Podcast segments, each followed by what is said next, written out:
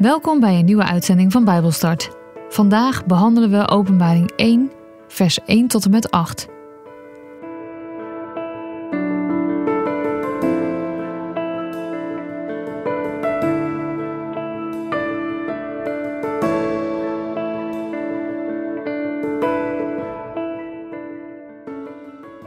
Ik lees met jullie uit de basisbijbel Openbaring 1, vers 1 tot 8.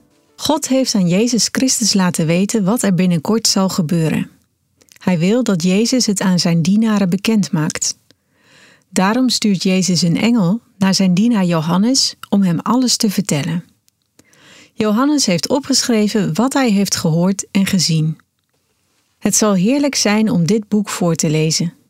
En het zal heerlijk voor de mensen zijn om goed naar deze profetische woorden te luisteren en ze goed te onthouden. Want al deze dingen gaan bijna gebeuren. Johannes schrijft dit aan de zeven gemeenten in Azië. Ik bid dat God in alles goed voor jullie zal zijn en dat jullie vol zullen zijn van de vrede van Hem die is en die was en die komt. De vrede van de zeven geesten die voor Zijn troon staan en de vrede van Jezus Christus.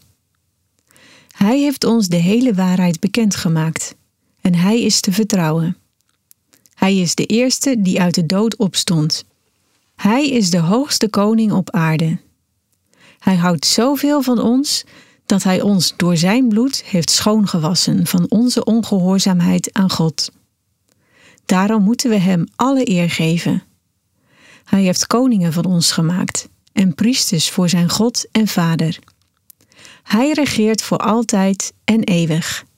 Amen. Zo is het. Hij zal komen op de wolken. Iedereen zal hem zien, ook de mensen die hem doorstoken hebben.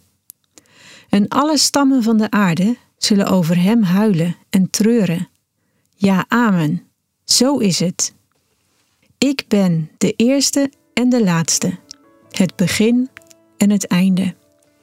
Ik ben Hij die is en die was en die komt, de Almachtige God.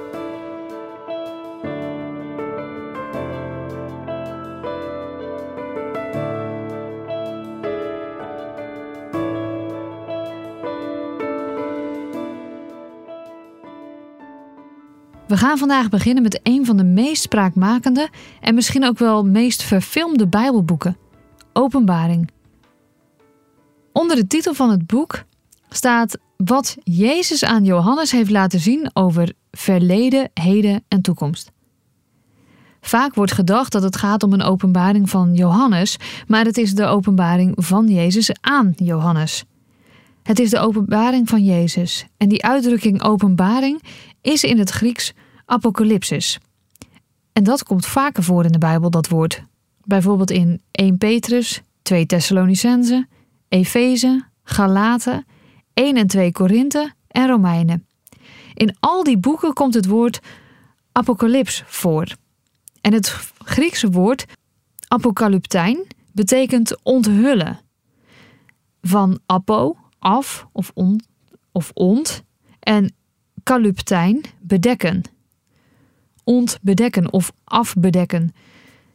En dus wordt dat in het normaal Nederlands onthullen genoemd. Apocalypsis betekent dus letterlijk openbaring. Het woord is bekend geworden als benaming van het laatste Bijbelboek. En het woord wordt heel vaak gebruikt in films. En de inhoud van het Bijbelboek is ook voor heel veel filmmakers een enorme inspiratiebron. Maar hoe zit dat nu met ons? Wat vinden wij van dit boek?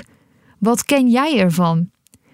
Als ik heel eerlijk ben, dan vind ik dat er erg weinig gepreekt wordt uit openbaring. En ik snap wel waarom dat dat is. Het is behoorlijk abstract. Het is heel erg beeldend. Het gaat over verleden, over het heden, over de toekomst. En dan krijg je vragen als: moeten we dit dan chronologisch lezen? Of zijn het allemaal losse onderdelen? Kun je het boek lezen zonder dat je het Oude Testament erbij open doet? Of mis je dan essentiële informatie als je die teksten dus niet naast het Oude Testament legt? Zijn de dingen letterlijk of zijn ze figuurlijk? En als het antwoord en en is, welke delen zijn dan letterlijk? Welke delen moeten we dan figuurlijk opvatten? Nou, zo aan het begin hebben we dus al heel erg veel vragen en misschien ben ik niet de enige. die heel veel vragen heeft. Want heel veel mensen vinden het Bijbelboek Openbaring ontzettend moeilijk. Alle symboliek, alle dreigende berichten, veel onbegrijpelijke vergelijkingen, beeldspraak. Ja, het is geen wonder dat je er weinig wijs uit wordt. Openbaring is ook niet gemakkelijk. Maar het is wel heel erg mooi als je een beetje in de gaten hebt hoe het boek in elkaar zit en waar het om gaat. Voor we daar verder op ingaan, wil ik eerst nog wat meer achtergrondinformatie geven, zoals je van mij gewend bent. Openbaring werd geschreven door Johannes nadat een engel aan hem verschenen was om de kennis die Jezus had over de toekomst door te geven aan zijn dienaren. Het is een brief die geschreven is aan de zeven gemeenten in Azië, maar het geldt ook voor alle andere gelovigen. Johannes schreef dit allemaal op ongeveer 95 na Christus op het eiland Patmos. Johannes is ook de schrijver van één evangelie en drie andere brieven die in de Bijbel zijn opgenomen. En over het verblijf van Johannes op dat eiland Patmos, weten we bijna niets. Maar vanuit Patmos heeft hij aan zeven kleine gemeenten geschreven. En hij brengt aan niemand persoonlijk de groeten over. Telkens gebruikt hij schuilnamen. Namen noemen zou te gevaarlijk zijn, want ze leefden in een tijd van verdrukking. Maar hij kende wel de meeste voorgangers uit deze gemeentes. En die zeven steden die lagen aan de Romeinse postroute. En deze liep van Efeze via Smyrna, Pergamum, Thyatira, Sardes, Philadelphia en Laodicea. En deze volgorde heeft de Bijbel dus ook in Openbaring 2 en 3. En deze zeven gemeenten die vertegenwoordigen de hele kerk. Gaan we in de volgende uitzending, als we de andere versen van uh, hoofdstuk 1 behandelen, verder naar kijken. Patmos ligt vlak voor de Turkse kust, maar het hoort bij Griekenland. En Johannes wist dat achter deze twee bergruggen, waar hij tegenaan zat te kijken vanaf dat eiland Patmos, als het helder weer was, dan kon hij die bergruggen zien. En daarachter, daar lag zijn stad de stad Efeze. En onder keizer Nerva is hij ook weer vrijgelaten. Hij was verbannen naar Patmos, maar hij werd weer vrijgelaten. En vervolgens is hij teruggekeerd naar zijn vroegere gemeente in Efeze. En vandaag behandelen we dus die eerste acht versen. Deze uitzending is dus echt bedoeld als inleiding, gewoon om je meer inzicht te geven. Want voordat we dit hele boek gaan behandelen, is het wel handig om te weten hoe je dit boek eigenlijk moet lezen. Het boek is geschreven in profetisch perspectief en dus wat minder in chronologische volgorde. En ik las dat iemand het uitlegde aan de hand van een berglandschap. En dat is wel mooi, want terwijl dat Johannes dit opschrijft, kijkt hij dus uit op de bergen waarachter Efeze ligt. En ik weet niet of jij wel eens in de bergen bent geweest, maar als je dan naar een berglandschap kijkt vanuit de verte, dan kan je wel verschillende bergtoppen zien. Dan kan je zien dat er verschillende bergen zijn. Maar je kunt niet zien hoe ver die uit elkaar liggen. Je kunt ook niet zien welke bergtop dichterbij ligt dan de ander. En op die manier kun je ook naar de gebeurtenissen in openbaring kijken. Het is dus geen tijdsbalk, niet van dit gebeurt eerst en dan gebeurt dat en dat en dat en dat. Want als dat zo zou zijn, dan zouden wij precies kunnen uitpuzzelen hoe ver we in Gods plan zijn. En volgens mij is dat echt niet de bedoeling van dit Bijbelboek. Niemand weet wanneer het zal gebeuren. Ook de engelen niet. En ook de zoon niet. Alleen de vader weet het, staat er in Matthäus 24, vers 36. In dit boek komen ook heel veel getallen en symboliek voor. En daardoor wordt het een apocalyptische profetie. Veel van de beelden, de symbolen en de getallen gaan terug op Daniel, Ezekiel en Zacharia. En misschien is het goed om alvast een rijtje van die getallen te benoemen. Wat veel voorkomt is bijvoorbeeld het getal 7. Dat staat voor volmaaktheid. Dat getal komt ook echt heel vaak voor in openbaring. 6, net geen 7 dus, is onvolmaakt. En het getal 666 wordt vaak gezien als het getal van het beest. En hij zal dus nooit volmaakt zijn, in elk geval never nooit zoals God. 3,5 is de helft van 7 en dus is ook onvolmaakt, is ook slecht. En in hoofdstuk 11 gaat het over 3,5 jaar van lijden. En dat is dus een slechte, maar beperkte periode. Het getal 4 is het getal van de wereld, van de schepping. En dat wordt ook in hoofdstuk 4 beschreven en in hoofdstuk 20. Eerst de vier levende wezens, in hoofdstuk 4, vers 6 en 7. En daarna de vier hoeken van de aarde in hoofdstuk 20, vers 8. 10 is een getal van volheid. 1000 is 10 keer 10 keer 10. En 12 is het getal van Gods volk. 12 stammen van Israël. 12 apostelen. En dat lezen we ook in hoofdstuk 4, vers 4. En deze verwijzen naar Gods totale volk door de eeuwen heen. In dit boek komen ook de zeven gemeenten aan bod. En die zeven gemeenten worden besproken in Openbaring 2 en 3. En deze staan symbool voor de hele gemeente van Christus. Ook staan er zeven gemeenten besproken. En deze staan symbool voor de hele gemeente van Christus. Dus niet alleen voor de christenen voor wie dit boek allereerst bestemd was, maar ook voor ons vandaag de dag. Laten we eerst eens kijken naar de christenen eh, voor wie het oorspronkelijk bedoeld was. Want ze hadden namelijk te maken met discriminatie, vervolging, marteling en zelfs de dood, executies. En zij vroegen zich af hoe lang gaat het allemaal nog duren? Dat lees je bijvoorbeeld in Openbaring 6, vers 10. En ze twijfelen eraan of Gods koninkrijk wel echt gaat komen. Ze twijfelen eraan of het kwaad de overhand zal hebben en houden.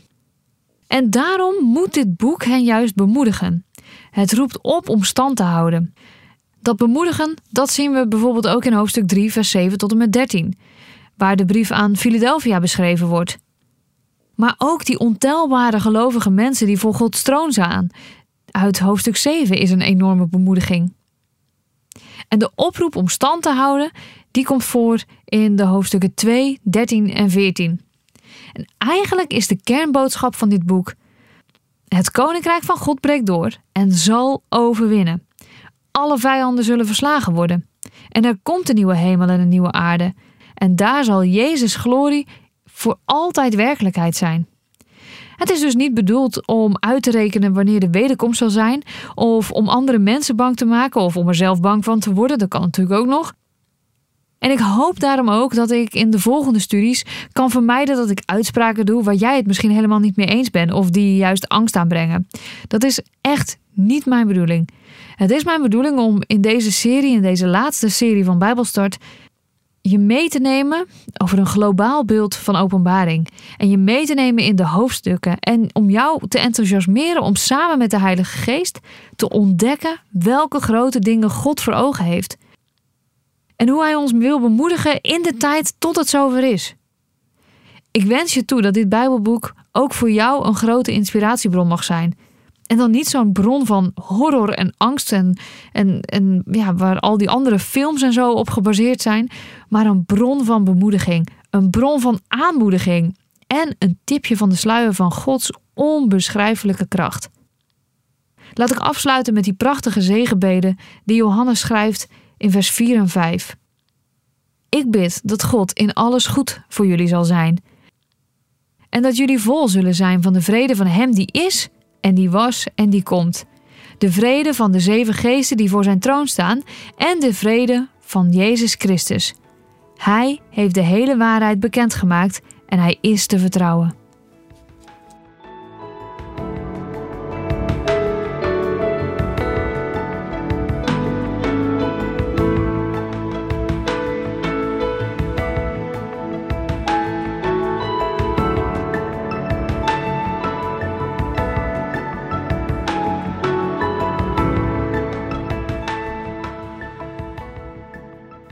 Bijbelstart, een programma van TWR.